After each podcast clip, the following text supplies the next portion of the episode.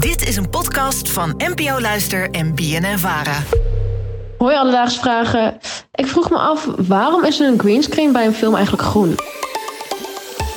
Alledaagse Vragen. NPO Luister.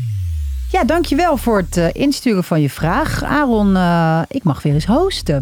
Ja, heb je er zin in? Dit is al een tijdje geleden voor jou. Ik, heb er, ik had er zin in, wil ik eigenlijk zeggen. Want we zitten in een soort laptop eh, eh, gedoe. Maar ik eh, mag gelukkig die van jou gebruiken. Dus we kunnen gewoon door. Nou, dan moet het wel een goede aflevering worden. Zeer zeker. Hey, het welbekende greenscreen. Inmiddels wordt het heel erg veel gebruikt. Zeker in de filmindustrie.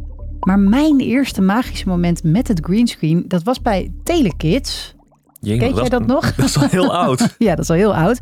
Eh, dan werden er ingestuurde brieven van kijkertjes doorgenomen door toen nog eh, presentatrice Annico van Santen. Op de zondag keek ik dat altijd. En die zei dan ook altijd geen brieven of tekeningen insturen met groen erin. Want anders kan, dan, dan kan je er doorheen kijken. Jemig. En Ik- heel af en toe deed dan dus iemand dat wel. En dat vond ik zo magisch om dan een tekening te zien met een soort van gat er doorheen. Ja, begreep, mijn brein begreep er natuurlijk helemaal niks van. Nee, maar ik moet zeggen, nu jij dit zo vertelt, dat, dat klinkt al wel een stuk ouder dan ik in mijn hoofd had. Voor mijn gevoel waren greenscreens echt meer iets van de laatste... Zero's. Ja, van de zero's een beetje. Maar misschien was het toen meer dat het ook echt voor thuisgebruik, voor YouTubers, dat greenscreen meer voor de mens thuis bereikbaar werd. Wat?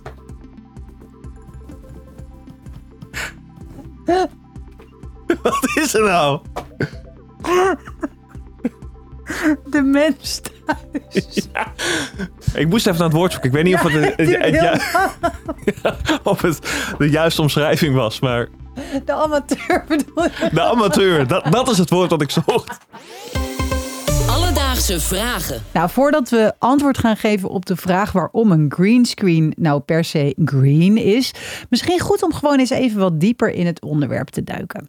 Want echt de allergrootste bioscoopkaskrakers van de laatste jaren waren er zonder greenscreen waarschijnlijk nooit geweest. Denk aan Avatar, The Great Gatsby of recent natuurlijk Barbie. Hey Barbie. Ja, we hebben geen eh, echte, hoe heet het, die wereld? Barbieville? Barbie World. Barbie World. En natuurlijk, Aaron, het weer. ja, nu, ja, nu je het zegt. Ja, dat is eh, geen, geen eh, kaskraker, maar wel eh, iets wat elke dag eh, weer door miljoenen mensen bekeken wordt. Voor de filmwereld een uitkomst, omdat je onmogelijke shots ineens mogelijk kan maken. En eh, het bespaart natuurlijk ook wel geld, omdat je die sets niet hoeft na te bouwen. Zeker als het hele ingewikkelde sets uit de jaren 20 zijn. Ik noem maar iets zoals bij The Great Gatsby. Ja. Het is veel makkelijker als je dat er gewoon lekker in kan plakken. Daarover gesproken, ehm Lord of the Rings was heel veel gewoon nog, eh, ik noem het maar even, fysiek opgenomen op echte sets. Zeker. En als je dat dan vergelijkt met The Hobbit, nou, dan moet ik wel zeggen, zie je wel echt het verschil tussen een greenscreen En het echte green- werk. en het echte werk, En ja. het echte werk. Maar hoe werkt zo'n greenscreen nou precies? Nou, het werken met een groen scherm wordt ook wel chroma keying genoemd. Simpel gezegd kan je met die techniek verschillende beeldlagen combineren. Doordat alles in één effe kleur is, kan je die ene effe kleur in één klap doorzichtig maken, digitaal dan. En er dan alles ja, in en achter plakken wat je wilt.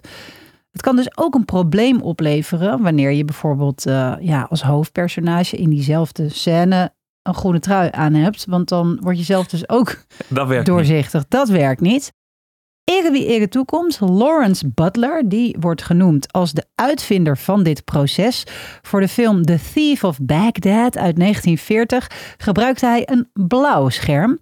Al waren er wel degelijk voorlopers. Zo had je de film The Invincible Man uit 1933, waarbij een man dus onzichtbaar lijkt doordat hij een zwart velvet pak aan heeft tegen een zwarte achtergrond. En dat doen ze eigenlijk ook bij The Great Train Robbery uit 1903. Ja, toen de tijd was film natuurlijk nog zwart-wit en kon je zwart niet terugzien op film. Ehm, en werd er dus zogeheten double exposure gebruikt. Nou, double exposure, Aaron, daar hebben wij het op de redactie al even over gehad. Ja, hoe we dat nou het beste gingen uitleggen. Eh, maar het komt er dus op neer bij double exposure dat je eigenlijk twee beelden combineert tot één beeld. Ja, dus je gebruikt hetzelfde frame. Ja. En als je dus eerst iets zwart films en daarna iets bewegends, kan je dat er in één frame overheen plaatsen. Ja, precies. En dan laat je bijvoorbeeld in dat ene frame dat zwarte Dat zie je dan niet terug in het tweede frame.